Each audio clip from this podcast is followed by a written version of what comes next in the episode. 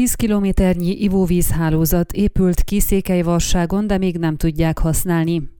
Négy éve pályázott sikeresen 3 millió leírt a helyi fejlesztések országos programjában a Székelyvarsági önkormányzat, amiből egyebek mellett forrás közében, illetve a Nagykút völgyében építették ki az ivóvízhálózatot, összességében 10 kilométer hosszan. Az új hálózat előnye, hogy ellenőrzött vizet biztosíthatnak a lakóknak, ugyanakkor a munkálatok során utcai tűzcsapokat is felszereltek, amelyek tűzvész esetén jelentenek nagy segítséget. Tamás Ernő varsági polgármesterlapunknak elmondta, noha a forrás közenevű részen korábban is volt ivóvízhálózat, amit közmunkarészeként építettek ki több mint 30 éve, ám az utóbbi években gyarapodott a község, így az igények is megnőttek. Emellett sikerült olyan részeket is lefedni, például a Nagyküküllő völgyében, ahol nem volt vezetékes víz.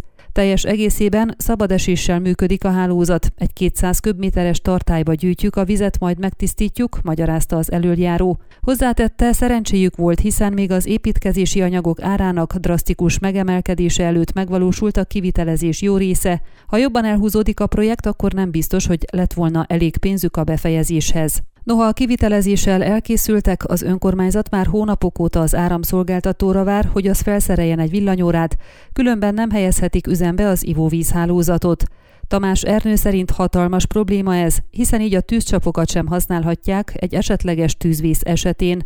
A község vezetősége egyébként azt szeretné, ha mielőbb csatlakozhatnának a Harvízertét működtető fejlesztési társuláshoz, hiszen nincsenek megfelelő szakembereik a hivatalnál, a településen lévő hét kisebb ivóvízhálózat, illetve a szennyvízrendszer üzemeltetésére és karbantartására. Szerinte ráadásul egy nagyobb szolgáltató könnyebben pályázhat a rendszerek bővítése érdekében is.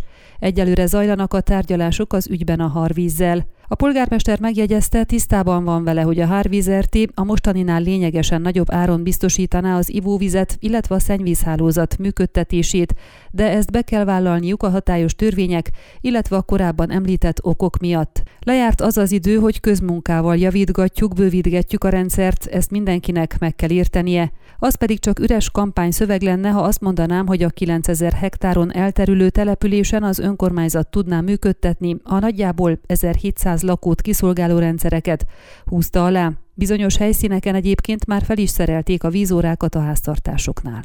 Ön a Székelyhon aktuális podcastjét hallgatta. Amennyiben nem akar lemaradni a régió életéről a jövőben sem, akkor iratkozzon fel a csatornára, vagy keresse podcast műsorainkat a székelyhon.pro portálon.